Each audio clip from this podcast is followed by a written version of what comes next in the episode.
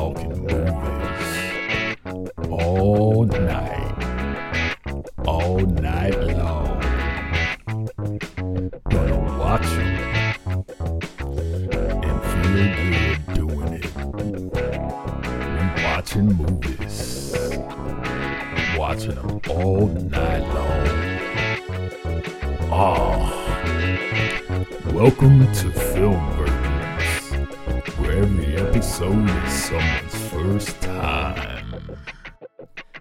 and welcome to the Film Virgins, where it's always someone's first time watching a movie. I am Travis. I'm Christian. And I'm Marcus. Tonight we are watching 2009's Watchmen, directed by Zack Snyder and starring actors. I don't know their names. There's not too many famous people in this. I guess uh who's the guys on Walking Dead? He's probably the biggest name right now. Uh, the guy that plays Negan. Yeah. I don't know what his real name I'll get a cast list when we come back. Um but- and there was the guy that was in the remake of the A Team. Mm, I don't know what his name is either. He was also in Speed Racer. Oh yeah, Bill, Billy Crudup is in Actually, this. no, was he wasn't Almost in- famous.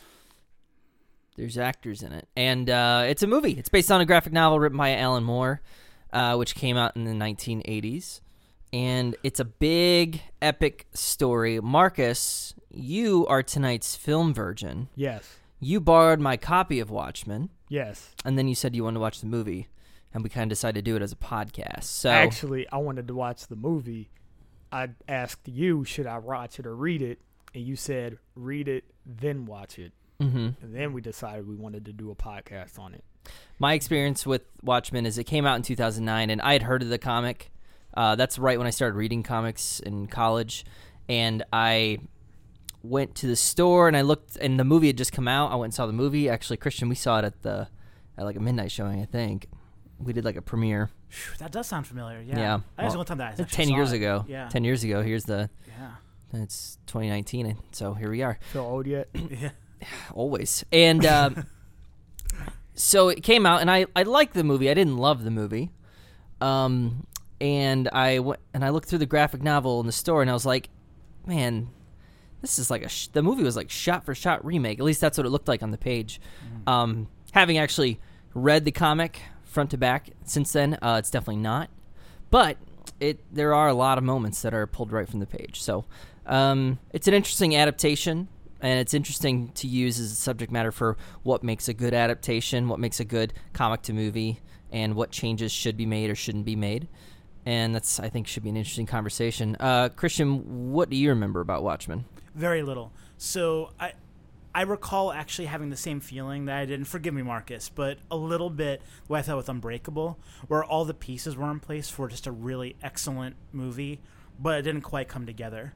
Um, and I felt almost kind of disappointed, not because it was bad or because I felt like I wasted my time, but because it missed out on potential. And I also remember, and spoilers, Marcus, sorry, a huge dong, which I think everyone remembers because it's pretty imposing. and But- Jeffrey Dean Morgan as the comedian. That's what I was trying to think of. I just remembered his name. Hmm. Yeah. so All right. that's pretty much all I got. Yeah. Anything else? Um, no. I uh, I asked you, um, should I read it or watch it because I was planning to watch it one weekend because I was watching like a video about it or a video about Alan Moore or whatever, and they were Oh, showing. he has Wisecrack.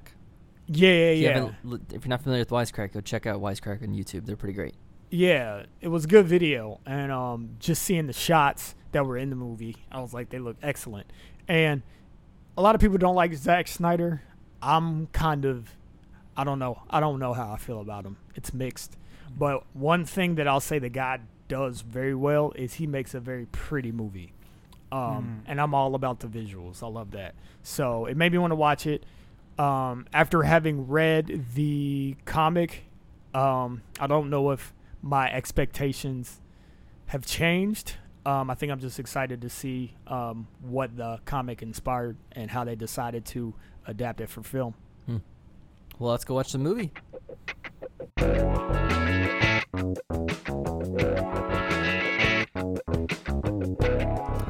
And we are back. We just watched the theatrical cut, the slightly shorter version, but still long version of Watchmen. I'm not gonna list everybody, but I need to call out a single character um, actor. Patrick Wilson is in this. from season two of Fargo Yes. as Owlman, and Mm-hmm. he's fucking awesome. He's he's a really good actor. I liked him a lot. So he sh- he Mhm. deserves a shout out, and eh, everyone else. Anyways, that's what what makes this movie interesting. Uh, Watchmen, uh, once again adapted from the graphic novel, came out in 2009. Had a budget of like 130 million, and gross box office was 185. If you follow the rules of doubling the box office to account for marketing costs and other expenses, did not make its money in theaters. They have had a couple of reissues of this, and it is a comic book movie, so completists buy it. I'm sure they made their money back, but it was not exactly a hit. Um, decent critic reviews, but not outstanding. Um, and you know, just maybe didn't have the reception they thought they were going to get when they pumped a lot of money into this. And Zack Snyder's coming off a 300, but um, it's a little bit of a mixed reaction. That's kind of how I remember it. Was feeling a little mixed about it. But before we get into that, Christian, what is the story of Watchmen? Watchmen is about a group of heroes, um, and it it kind of starts after they've really had their heyday, and one of their rank has been murdered, um, and it really follows kind of some of the successors to the Watchmen. Um, I guess a mix of some of the Watchmen and some of their successors uh, as they uh, try to solve the mystery of the murder and um, how to they plan to prevent kind of a nuclear catastrophe as it increases in likelihood. This is a little bit of an alternate history in which uh, Richard Nixon uh, is president uh, still, I think, in the 80s after three or four terms. Maybe I said five. third term, but I okay, don't know so they mentioned his third up. term, but the, his third term would have gone to 76, and so fourth would have been to 80. So this is probably his fifth, Mhm. assuming that they still have terms.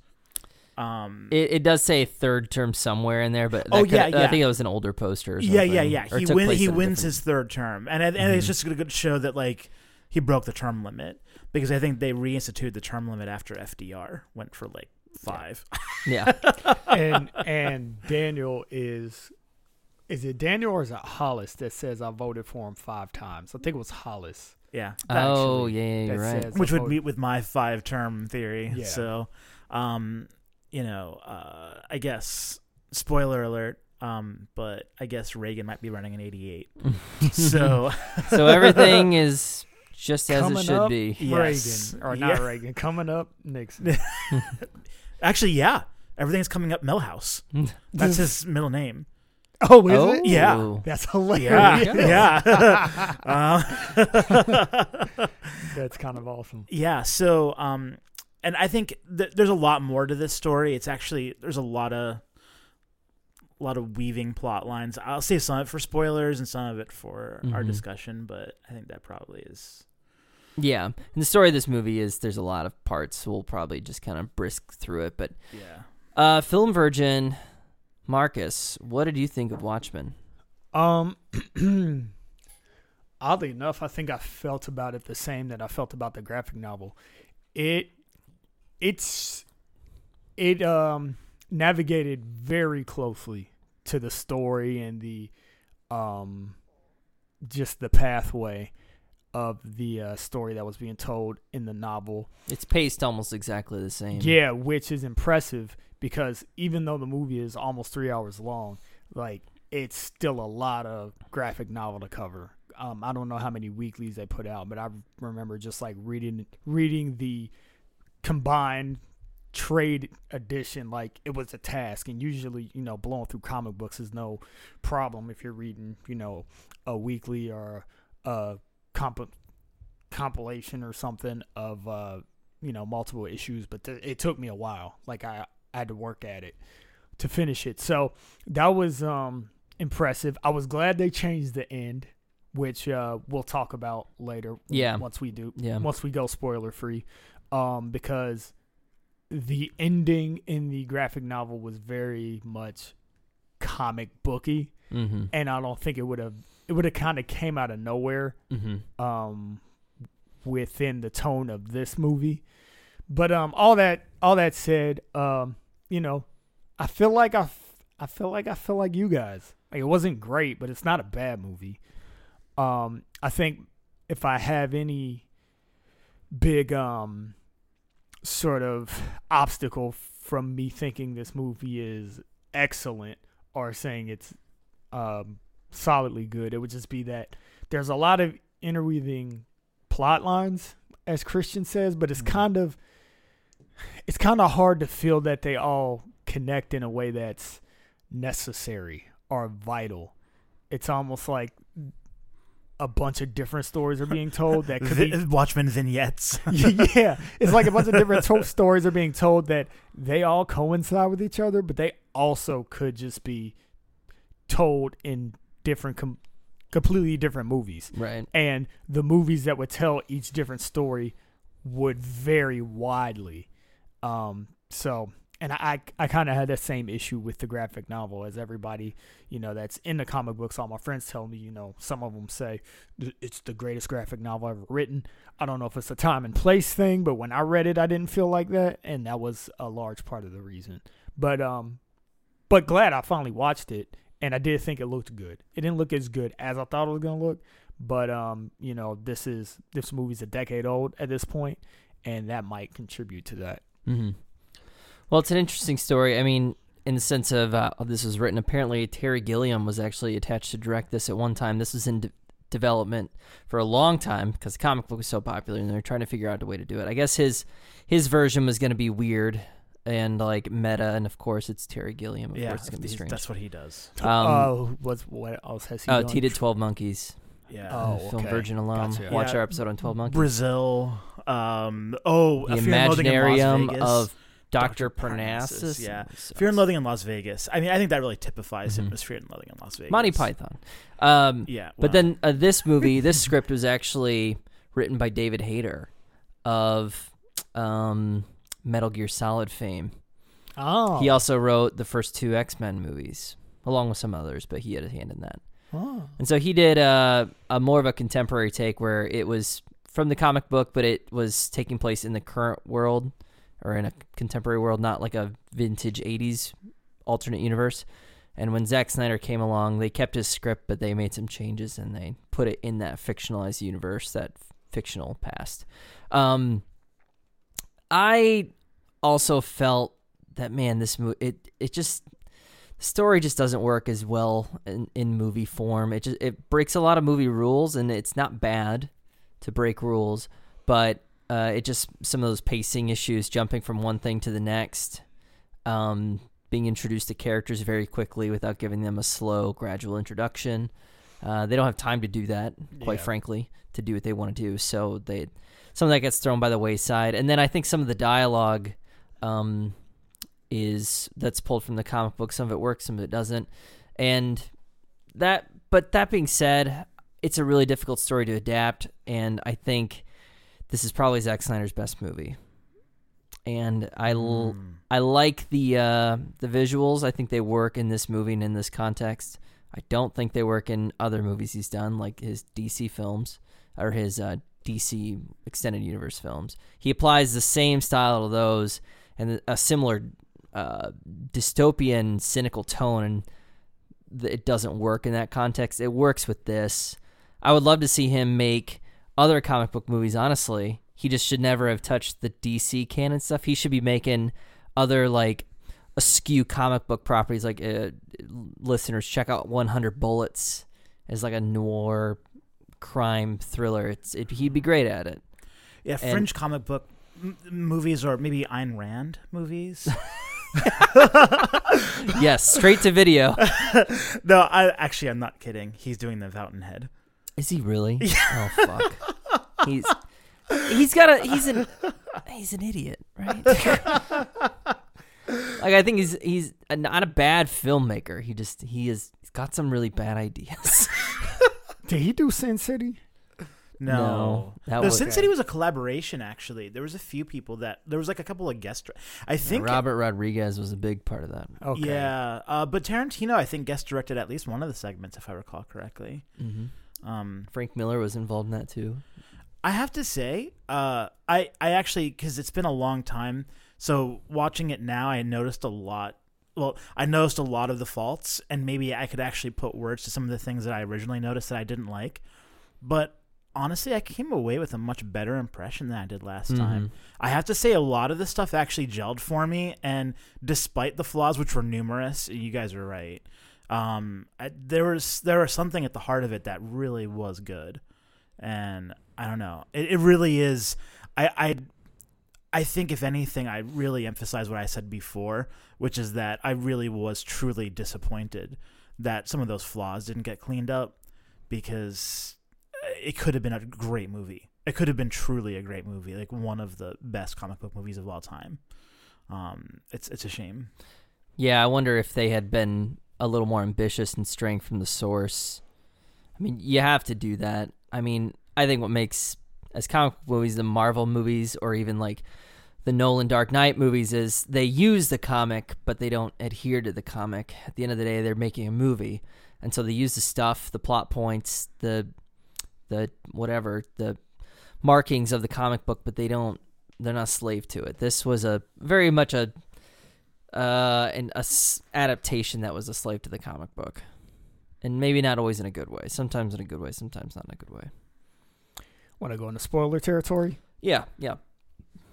So, just to give Christian and maybe some other listeners some context, in the comic book, what you're alluding to with the ending is, uh, what you want to explain it? Well, first, of all, do you want to say what the ending was in, in the movie, and then Sure. and then say what it was in the comic, or do you want to do? the other Okay, way yeah, around? well, yeah. Co- movie. f- I'll say the movie. You say the comic. Go for You it. read it bef- more recently than I have. Yeah. Uh, basically, it turns out that Ozymandias has been killing and setting people up to and setting up Dr. Manhattan to create these energy devices in the uh, supposedly to make clean renewable energy, but actually they're basically nuclear bombs that have Dr. Manhattan's energy signature. They all go off. Everyone blames Dr. Manhattan for blowing up all the major cities in the world, and that causes peace between the United States and Russia, essentially. And by extension, the rest of the world. And by extension, the rest of the world. So they, you know, you kill millions to save billions is the key line from Ozymandias, and that's kind of his ethos as a character. Even if it costs his soul, it's it's worth it. The ends justify the means. But in the comic, so in the It's- comic, it's that. But so in the comic, um, what happens is Doctor Manhattan actually does not become the patsy. Am I using that right? yes, Yeah. Okay. He he doesn't become the scapegoat um, for all the destruction.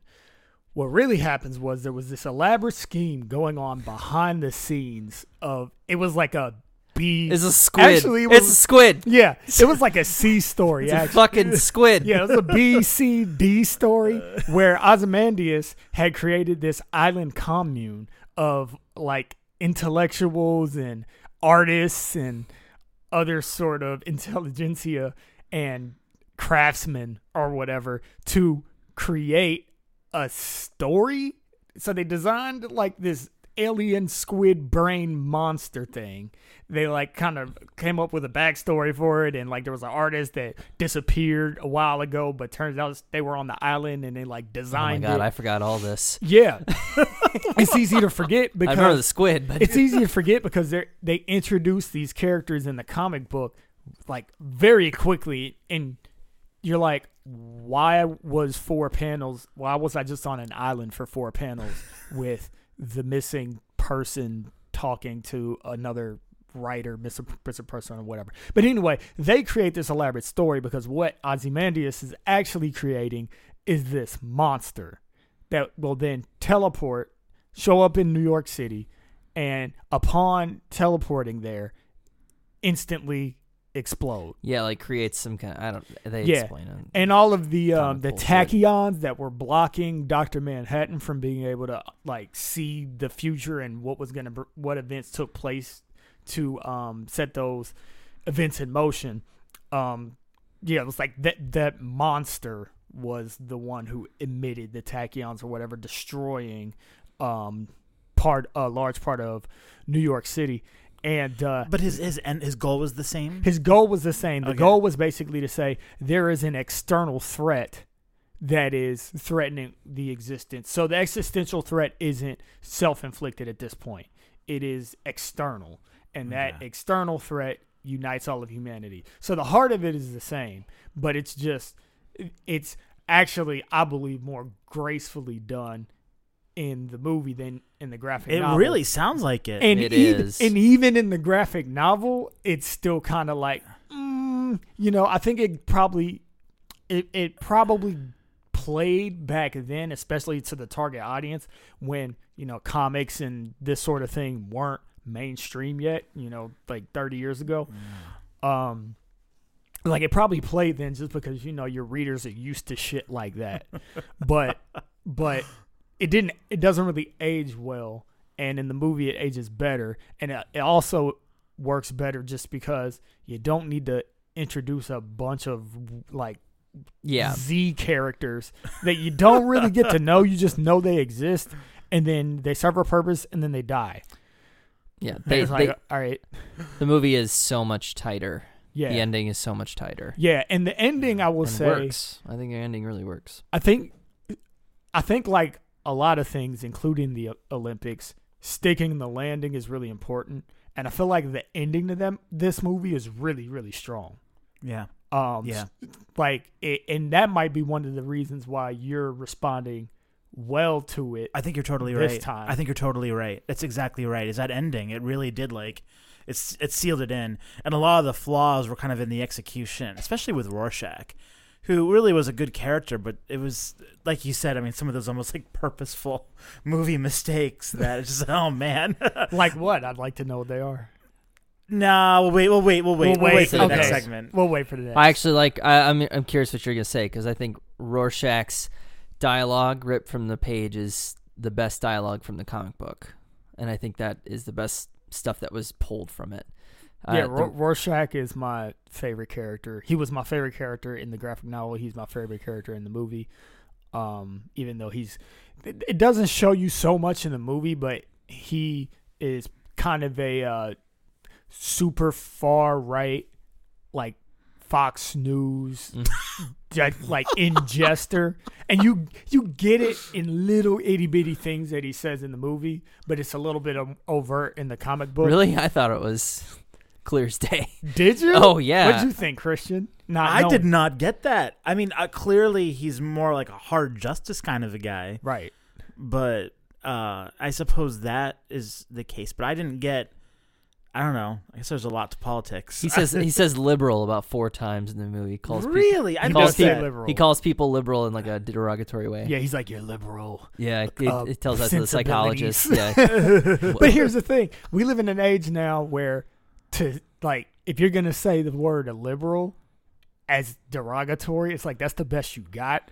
Because man, it doesn't matter what side of the spectrum you are making fun of, whatever other side of the spectrum you are, people go hard. Nobody just goes like you're a conservative anymore or you're a liberal. It's like you're a fucking moron. you're a Nazi. You're a Yeah. communist. Yeah, exactly. You're a Nazi. You're a communist. You're a you're a, a snowflake. You're a a, a fucking Men's racist. rights. yes, a, a Joseph Stalin loving redistributionist. right. Yeah. Yeah. Yeah. Yeah. It's got a ring to like it. like we we swing for the fences nowadays. So him just going like your liberal sensibilities. It's like I mean maybe I guess. I'll take it.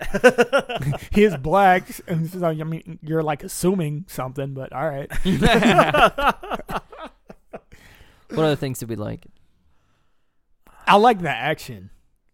It was um it wasn't the best choreography that I've seen. It's a little bit stiff, but there were some really fun moments in it and that was one of the things reading the graphic novel that was kind of lacking to me Mm. because I read a lot of manga and I read mostly like actiony fantasy stuff and manga most of it is just black and white and a lot of line work uh, so whenever some of my favorite manga artists do action it's very very dynamic um, they make sure to um, to depict motion of hands and objects, whether it's like blurring your lines or dashing them, dotting them in whatever sense. And a lot of the action in the uh, Watchmen graphic novel is just kind of it, it's like still frames being shot. Yeah, And- it's it's written very it's drawn very conservatively. Yeah, exactly. And um, the anatomy isn't really comfortable for me either um, with with the movement. So I didn't really get any gratification in that sense from the graphic novel. So seeing a little, seeing them flesh that out more in the um, in the movie was great. Especially the fight scene in the prison. That didn't even that fight scene doesn't even happen Right. in the graphic novel, and it actually made me happy that they put it in there because I always thought that the scene with um where they saved the people from the fire, and that was kind of their exciting foray back into being masked Avengers. I always thought that was a little weak, um, but uh, you know, to, to Mm. follow that up with like the jailbreak sequence and they beat a bunch of ass is pretty awesome. yeah, it's almost like the changes they did make were good changes and made the movie better. Mm-hmm. Yeah, And maybe if- just if- made more. In the shit, exactly. yeah. I you know what I actually I have to say I did like because you called out one or two, but I actually have to say the cast was amazing, and they picked out really good people who don't do a lot of stuff.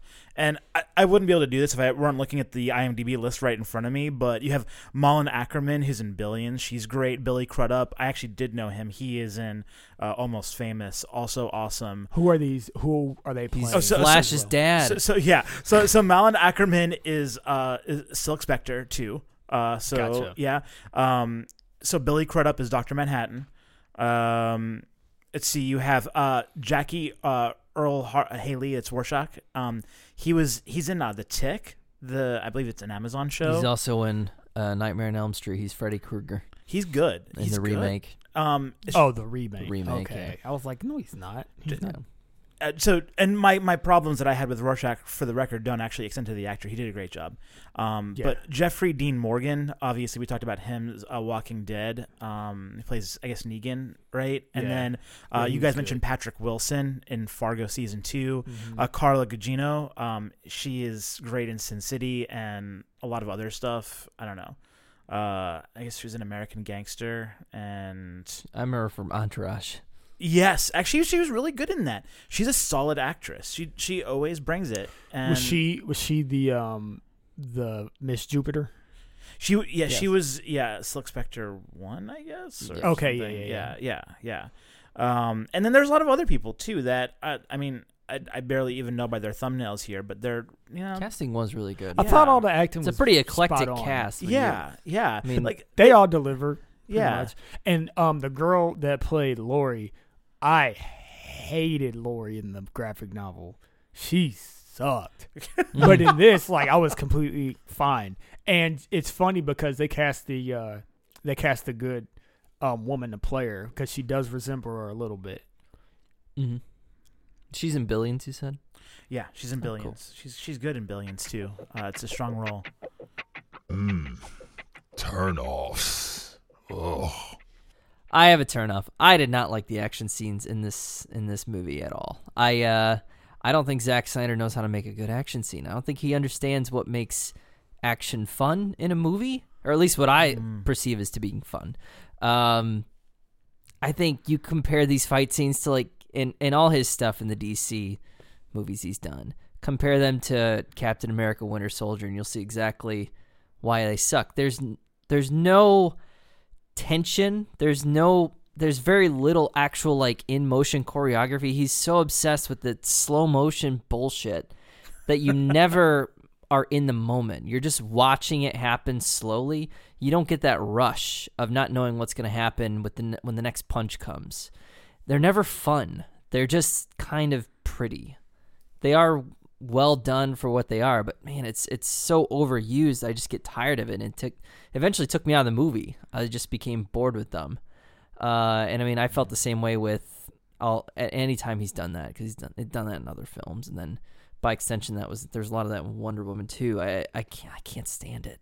drives me crazy. Maybe it was cool in 2000 like seven or whatever when he was doing 300, and maybe in this, but I I can't stand it. I think it's aged poorly. I want real action. I want choreography. I want good stunt people doing cool shit. I want the Netflix Daredevil action sequence. You know, I that's what I want to see. I don't. I, yeah, that's that's all I got. I got more turnoffs, but that's the. I'll I'll pass the mic. Um, I want to hear yours actually. Oh, really? 'cause you sound alright, like you have alright. stuff on deck. I don't know. I feel like I'm gonna take one of yours. I feel really bad, but That's I think fine. that the number one for me really was, um, you know, it's hard because it's 2009, right? And CG isn't there yet. Um, and I mean, maybe it's not even there now in some ways. There's still stuff that doesn't come out right, but man, I, I just think they were a little bit too ambitious with what they were trying to do, and it just a lot of it took me out. And there's some good stuff. There's definitely some good stuff, but the the stuff that wasn't good took me out. And, and one of them is Doctor Manhattan. He kind of looked cool, and but the motion was very smooth. It was very like ridiculously smooth, like really bad 3D tech demos from the time Hmm. and you know it was just I don't know I it, you, you can't do much about it I, you know it's an ambitious I mean there's really not like with adapting it how do you adapt that without really taking a stab maybe the only problem that they had was just doing it too soon maybe if they did in 2019 it'd be No, fine I think that smoothing is probably a choice. I mean, this is a So- this is 2009. This is post Gollum, Lord of the Rings. Uh, I Mm. think the technology's there. I think it's just the choices and how they used it that maybe weren't the best choices. okay yeah I I don't think he ever. Uh, it, it's that surreal quality that they're going for. Yeah I think they want him to feel otherworldly and godlike. So yeah he feels CG yeah, I, I, so, and I'll say this one other thing too, just because it seemed like there were some questions about this. I, I really did like Rorschach. I like the actor, and I love the plot line surrounding him. I love even the scenes. I'm not sure if you consider this an action scene, but I really like him in the in the prison in the jail prison cell. cells. Those, those scenes were great. Those scenes were great. I'm I don't know if you call them action scenes, but I enjoyed whatever they were. Um, I think the issue and the actual words that he had in hindsight are decent, but they felt pretentious for what the movie was. Like they could be perfect for a graphic novel, but in this case, they felt really heavy-handed, and I think that combined with the choice of the gravelly voice gave it a very like they were like over the top trying to do hard boiled, you know, mid 50s film noir and don't get me wrong, I love that shit. I do. But this didn't quite feel like film noir and it felt a little overdone like they were trying to push that too hard and i felt like maybe Zack Snyder just didn't have a real hold on that genre it was trying to replicate something he didn't understand Uh, By the end, it almost feels like it's becoming a parody. yeah Is kind of how it felt to me. As much as I like it, because I, I think there's a lot to like about just the weirdness of it. But uh, But that even even then, it's either a half-assed homage or it's a half-assed parody. Either way, Mhm. it's not full-assed, and that's a problem. Mhm. it it, it, two cheeks of a different butt oh, trying to share one chair. touche. Yeah. All right. Uh, Paint, Uh, painting pictures here. Wow, this is the Woody. Di- this is why you guys come to Film. Virgins Mm, for the repartee. what turnoffs do you have, Marcus? Um, mine are smaller, more particular. First one, Ozymandias. You got an accent or don't you? Oh, didn't pick up on that. yeah, he has one at the like the very first time you he talks. He sounds like he's Italian, and then a little while after that, it's kind of gone, but he doesn't say much, and I'm like, okay, I need to hear him again.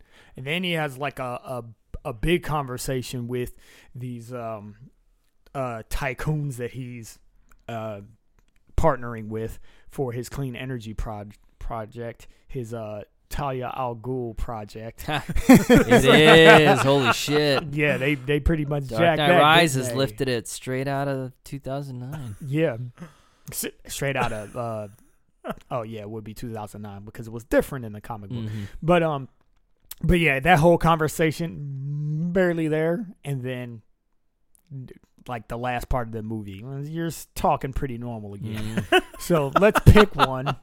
Let, let's pick something. Uh, how exotic is he gonna be? Um, second one, Nixon's nose. Like I know his nose was big, but geez, the dude that was playing him, they had a prosthetic on him. They aged him. Yeah, they. hi- his nose looked a little overly bulbous. That bothered me some. Is it a yeah? Are they going for a parody or not? Because it, it They played it straight, but it They played looked, it straight. looked like a parody, though. Yeah, they played it very, very straight. They didn't really paint him to be a villain in any sort of sense. It was pretty much like this is Nixon as president. All right. He, Top top Nixon in movies. You got, got Oh, Frost it's- Nixon, dude, I don't Frank know. Langella. You've got whoever the guy was in X Men. Uh, Oh. Days of First Futures, Class? Days of Futures Past, I think. Oh, Nixon's in that one, and then you got the Watchmen. I would go Futurama. I, I put Futurama over Nixon's Watchmen. Yeah. Um, I cut you off for a tangent. Uh, no, no, but seriously, that's a good call out. I like. I actually forgot about that one, but I wanted to mention it because it was really bad. Same thing with like, was it Pat Buchanan? And it just looked like they Yeah. had this room full of old white guys that Mm. were kind of based on you mean actual people. Congress? Oh. okay. Uh, I, Uh, the Pat Buchanan one. I don't have a reference point for Pat Buchanan. So I don't It bother doesn't matter. That's the point. Is like it doesn't matter what he looks like. He even doesn't look like that because that looks like a guy wearing a mask. Mm. Yeah, it was funny too because like I recognize the name, of course, but I don't, I don't, I can't picture what he looks like in my head. But even the guy acting like it was acting like he was acting like someone else, Mm. rather than just, you know, being a great actor to be Yeah, that's Agreed. to, to seem like he's acting naturally. Agreed. But Yeah. for those who know Pat Buchanan and his mannerisms, they'd be able to. and I think in we do. Mm. No, we don't. I don't. But um, study up. so there's that. Um, what other turn off? I know I had something else. I think that was the, the big one was his accent. I, Yeah, he, Um, and I'll I, ju- I'll just- that one too. He was the weakest of the actors, I think, of of the main people. I don't know. Yeah, and I mean I don't think he was terrible. Um, but I don't think he was as strong as everyone else. Yeah. No, I'd Yeah. say. But um, one last one, and this this one actually extends to the graphic novel too. Like I don't like. Tell me what you guys think about this. I almost feel like the comedian, the character, he kind of is supposed to be some symbolic microcosm of what the world at large is.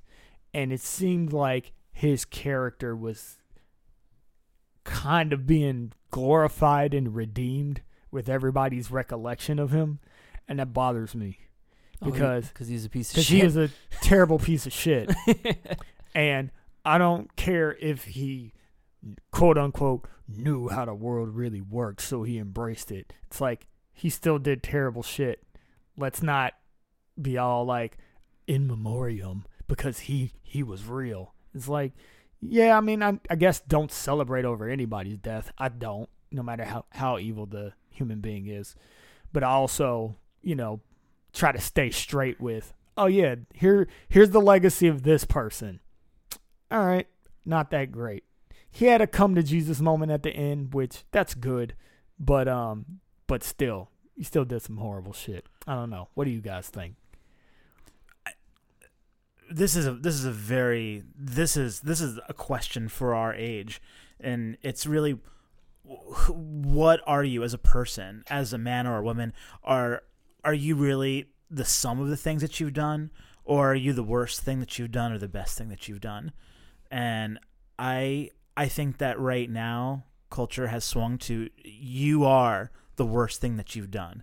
So if we find something in your past that's bad, it will negate the good. However much good you did, we don't care about that. And I really disagree. I disagree with that mentality. So the thing is, to your point, Marcus, it doesn't actually dwell. At least the movie doesn't on the good things. And you guys, both of you, have background on the graphic novel. Maybe you can inform me. They don't really go over a lot of the good in the movie. So you have a couple of pictures of him being really bad. And just for context, if you haven't seen it, which you should have since you went past the spoiler mark, but you know, um, Shame on you. Yeah. um, there is uh, an an instance where he attempted to uh, to rape the original uh, Silk. Uh, Spectre. Spectre. Spectre. Um, uh, and then there's another instance where he shoots and kills a pregnant Vietnamese woman. Who's pregnant with his child? Yes, presumably. Yeah, we, we, we, we are not a positive at that, but we're led to believe it. Um, and at least in the movie, um, she's claiming that. And so those are two, admittedly, just absolutely awful things, right? but you know, uh, I don't know. I guess I, we don't really see a lot of other pictures of him, you know, really redeeming himself. But we have this idea that he was a hero, that he regularly risked his life to do good, right? So does that mean, you know, is he a good person who does bad things or a bad person that does things? Or, or is he just a person? I don't know. Yeah, and I think a person who shouldn't drink. yeah, definitely. Um, I think that you know, in any case of any human, you have to consider, you know, the the complete picture of who they are. But in the context of a story, you're not afforded that. Hmm. In a in any story, the writer is going to show you exactly what you need to see of that character to form an opinion of that character. And if there's a lot of things omitted that the writer or creator um considers for that character but doesn't really relate to the audience, I consider that a failure on that creator's part. Um, because you know, I can't guess. I can't guess, but because I can, we can all say maybe this, maybe that, maybe this, maybe that, but we can only work with what we're given. And you know, he was a superhero for sure, but we don't know what his motivation for that was. Was his motivation to actually do good and help people, or was his motivation to keep order by domination? Yeah, we don't actually see him doing any good either, or at least it's not shown to us. Yeah, his shining moments are his confession to Moloch, his arch enemy, one of his nemesis, that um, he basically claims is his only friend. So that's a tender moment for him. And then we are told that uh, the original Silk Spectre kind of falls for him, and they have consensual sex. Yeah, that's a shining moment. It's consensual sex. yeah. consensual sex, and he's actually trying to stir up conversation with his daughter, unbeknownst to her that that's his that's her father. She doesn't know who he is. Um, so I mean, those are the that's the highlight reel for him, you know, but not Mhm. some good human moments, but not really high in the posit on the positivity scale. Kind of like okay, y- you do have We more see a the heart. raping and the war crimes. Yeah. That's that's Yeah. what we're. You mean we're the shown. post-war crimes? No, there- I was talking about the pool table. Oh, oh, okay. the, uh, Wait, the rape is the pool table. Oh, sorry. The you war said, you said war crimes. I- It's Yes. post-war. Yeah. Oh, burning people with napalm isn't war crime during war, is I it? guess I don't know. He Yeah. talked about He killing was- kids. he was That's- very- he talked about killing he did kids. talk about killing kids. I think he's a war criminal. I think that's uh, fair. fair It's off camera. inference. yeah. yeah, but but that's Yeah. interesting. So I'm not trying to stand up here and and be like, oh fuck that dude forever. Yeah, he was a piece of shit. But he's remembered. It's odd the the sort of f- maybe not fondness, but nostalgia that many of the people remember him in, and that was just Yeah. something that I contended with in the graphic novel too. That like kind of itched me the wrong way. You know, people are like, "Well, he really knew how it was," and it was like, "Yeah, he was also a raging asshole too." Yeah. So- that doesn't justify his actions. Right. Yeah. Right. I agree. I mean, he's not like the dad from Chronicle, who's a damn saint. Fuck that guy. but by comparison, but by comparison, I'll take the dad from Chronicle every time. What do you know? Marcus and I agree. Mm. Any more turnoffs from anyone? Yeah, I didn't like. Uh, what was that? What was that line? Sorry, I mentioned up top that I liked the I like the Rorschach stuff. I like some of the stuff that's pulled straight off the page. Um, there's some good lines, but then there's a lot of rambling, and then there's uh, things that go into the past where Rorschach is watching the uh, the ink blot tests, and it's flashing back to his real memories, but he's saying like I butterfly. It's actually a really good scene. But his flashback where his mom says, "I, sh- I should have gotten an abortion," and she slams the door because she's gonna bang a dude for money. And uh, She actually says, I should have got that abortion. mm, like she's had several, and one slipped the, through the cracks. I just wanted you to know how eloquently she put it. Yeah. Yeah. Um. She's she's an artist. You know, maybe it just just didn't work. I think we all laughed out loud. Oh yeah, I because did. it was just I like 100% that's a little on the nose. It's a little on the nose. She Hey. could have said eh, a hundred different things. I don't know if that's in the comic book, but that line was terrible. I would love to know if it's in the comic book, and if it is, I really want like a big blown up version of that for Uh, my wall. I, I know what I'm Do getting for your birthday. Do you, you? It's not out. Does any, Does anybody have your copy that you loaned to me? I, I have it up in my room right now. We can definitely check that. We'll out confirm that. after We'll the verify. podcast. Trust but verify. yes. Any other turnoffs? And let's move on to the next. Was it good? for you? Recommendations. Was it good for you in our cherry rating, where we say, well, should people watch this movie and how good was it compared to the other movies we've seen? So we create this little sandwich of good, uh, bad, and then good again. The good is the bun, and the sandwich that is film virgins. Uh, Christian, would you recommend Watchmen? I actually really would. Um, so I think that I would recommend this for. It, I I- know that I was saying that it was a little overhanded and that Zack Snyder really couldn't pull it off, but I have to say there still was a soul of film noir in this that I did like, and and you see you know, from everything from the the kind of voiceovers, Rorschach voiceovers, to um, you know, to the set design to even the promotional posters. They're really going for that. And I think I would recommend it for people who are really into that. Um, I actually don't think, and especially now, this is not for people who like comic movies. It's at the very most for people who like graphic novel movies. And there aren't a ton of those. I mean, there's probably more than there used to be, but you know. This isn't a Marvel movie. No, no. It's much closer to Sin City, um, and frankly less good. Um, but uh, I, I would recommend it for those. It, it's a very specific slice, but within that slice, 100% would recommend it. Um, r- rating is really challenging for me because it. I really some of the things that I've given fives to. I I don't think I like this as much, but I, uh, sorry, this is this is challenging. I think that I'm gonna have to go four, i- which really isn't terrible. I know we say this every week because our ratings are so skewed in some ways, um, but I'm I'm gonna have to go four. Um, but it, it's in between four and a five, really. Um, yeah. So I'd have to recommend this movie for um, basically if you've read Watchmen and haven't seen this movie, I think you just have to do it sort of as a I don't know maybe just for research, um, just for exposure, because it's interesting to see when a movie or a TV show or whatever ab- adaptation is created almost directly from the thing that it's being adapted from. Um, it's always an interesting exercise, and honestly, for all the movie's fault, it gets a really good grade.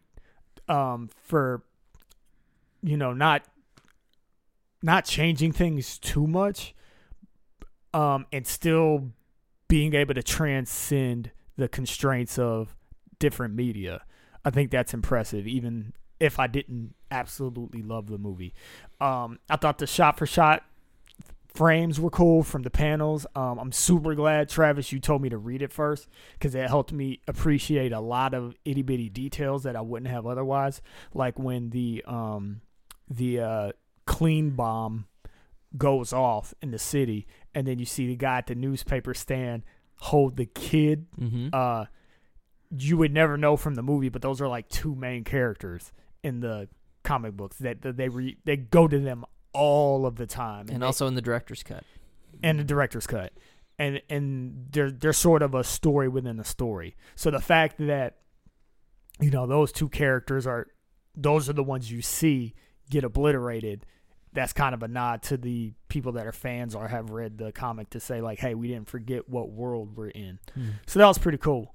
Um, and that being said, I love the set. I love the wardrobes. The translation of the superhero outfits were awesome. They all looked very cool. Um, and uh, despite what Travis says, I do like the action still. Um, not not super fun, not super dynamic, but I was I was impressed with how crisp it was and how how they sold each impact. When a person got hit or thrown into something, I felt it. Um, whether or not it was the most creative thing to do, I don't know. But things looked like they hurt, and they also sounded like they hurt. So, yeah, go watch that if uh, you've read Watchmen. And um, I think for my rating, I'm gonna go ahead and give it a five, Hmm. which is you know it's pretty much in the middle of the road. I'm this was not a waste of my time, and I'm glad I watched it. Yeah, I'd also recommend this to any comic fans. Um, I do think it's a pretty good adaptation. Uh, I wish they would have taken, uh, just maybe leaned a little more into movie conventions. I think they would have made a better movie. But it's not a bad movie. I was never bored. Uh, I did not like the fight scenes. I like some stuff that's more dynamic and fast paced, but uh, even that doesn't sink the movie for me. I think the story is still well told. I think they manage a lot of different plot lines uh, very well. Um, and then, like I said, it's Zack Snyder's best movie. Um, he doesn't. He does this version of a superhero film. He can't really do anything else, and I think that's why his DC films don't work. His Superman, I mean, they Superman should have more of a hopeful tone. It shouldn't feel like Watchmen. And when the cities are blowing up in this, I was like, man, it's like fucking Man of Steel. Just reuse some Watchmen footage. Um, I think they're just trying to re- double down on that Chris Nolan Batman universe, and you can't do that unless you're Chris Nolan or Batman. Right, right. Um, so yeah, if if you're disenchanted with that, if you're a comic book fan, but you're you know want something a little little more teeth, um, I think this is a good one to come back to. If you know if you're tired of the sanitized Marvel stuff, I think this is a good palate cleanser. Uh, in the opposite direction, a little salty. it's got a bite. Um, for a cherry rating, uh, I am also going to give it a five. Uh, looking at a couple of related films here, uh, Kingsman I gave a six. Uh, I like Kingsman more than this. Chronicle I gave a five. Um, I didn't love Chronicle. I think this sits right next to it, and it would have like ten times the budget, over ten times the budget of Chronicle. to me, they're about equal. Sorry, Warner Brothers. All right. Well, let's go ahead um, and get into our quickie section where we talk about whatever media we're consuming or just want to share something very quickly. Time for a quickie. I'll start. Uh, I watched a movie on Hulu. Hulu of all places. I think this was an indie film. Just had a, I think it had a theatrical release, so it wasn't like a streaming movie. It was called Ingrid Goes West. Stars Aubrey Plaza. Oh yeah, I've heard of that. and then um, the Olsen from Avengers, who's not Mary Kate or Ashley. It, her name's Elizabeth, and some other actors. Uh, and it's about Aubrey Plaza, who is a person who has clearly like a personality disorder and mental illness, and she becomes obsessed with this person on Instagram, and tries to like not only replicate her life but insert herself into her life and she's um, a sociopath, and it's pretty fun to see what happens. Ingrid Goes West. It's on Hulu, and it's it's a good movie. I'd recommend it. I I have a good one this time. Uh, I have been watching Patriot. It's an Amazon original, and it is simply the best streaming television show I have ever seen. And it's not really even that close. It's that good. And I'm not really a big fan of streaming TV shows, so I guess it's not saying that much, but it really is because it's a great show. Um, it it has um, uh, Michael Dorman is the lead. Uh, also has Kurtwood Smith uh, from uh, that '70s show, and it has uh, Terry O'Quinn who plays John Locke in Lost. Um, and everyone is really great, but the show it, it's about um, a, a kind of a spy, like a secret agent, who uh, likes playing folk music on the side and is psychologically tortured. Um, it is quirky. Imagine like Wes Anderson doing a dark television show with that topic. That's it's glorious. Uh, there was a pilot that aired in 2015, and I guess it did well enough that they ended up picking it up, but not till 2017. It was like a year and a half, almost two year lag in between the pilot and the rest of the first season, um, which is crazy. It's now aired a second season, or I, I hate using the word aired. It is distributed a second season. um, it, it really is great. The music is fantastic, um, and uh, yeah, it, just solid show. Please watch it. Patriot. No article. If you look up the Patriot, you're gonna get another. A great Mel, Mel Gib- Gibson. a great Mel Gibson film. Yeah, well, a Mel Gibson film with Renee Auberjonois. Mm. So I've been reading. Actually, I need to get back to reading because it's been about two weeks. But for Christmas, I got Fire and Blood, which is a George R. R. Martin book, oh yeah. and it is a book about the uh, Targaryen dynasty. It's going to be two books actually. It's about the Targaryen dynasty and um, all of their exploits from the conquering of Westeros and unification thereafter, and then all the things that happen through the years, through 17 kings, all the way to ending at Robert's Rebellion, which is which basically is the pivot point that leads to the events that happen in Game of Thrones. So it's this like deep nerd stuff. Um, basically history 300 years prior to what most people know about. Um, it's super good. It's super dense. It reads more like a reference book. Um, George R. R. Martin uh, and other people have joked, jokingly called it the uh, shit. What is it? The Grill Marillion.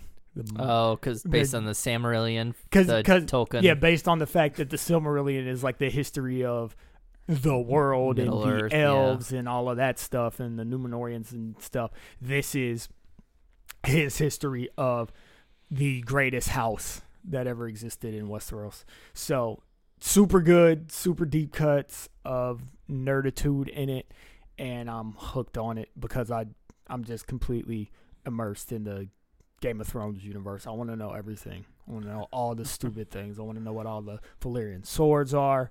I want to know like what kings were good, what kings were bad, who like married their niece because their Who's first wife, yeah, whose first wife died, and how big was the biggest dragon? Which dragons fought and died in the civil war known as the Dance of Dragons? Anyway, I can nerd out continually on and on forever, but it's awesome. Um, so if you're looking for some fantasy extended universe to get into, look it up. Fire and Blood. It's one of two volumes that, um, you know, the second one will come out after he dies. He'll somehow write it from beyond the grave. It's Silmarillion, I think, came out after Tolkien's death. It did, yeah. His son wrote it. Unfortunately, George R. R. Martin has no such plans. He has no plans to have anybody write any of his material should he pass. So keep writing, George. I'm Mm. rooting for you. Don't leave it in Benioff's hands. he should eat, get on a diet and eat really healthy. no more fish sticks. No more, you know. Well, his first step is locking himself in a remote log cabin that nobody knows where it is. Let's So let's hope that works and let's pray against a heart attack. Hey, this has been Film Virgins. Thanks for listening. Uh, we're on Instagram at Film Virgins Cast, and we put a podcast out roughly weekly. And uh, subscribe to us so you can always get a new episode. I have been Travis. I've been Christian. and I've been Marcus. Come back next time for more sexy movie talk. Thanks for listening. Subscribe and look for our next episode next week. Yeah.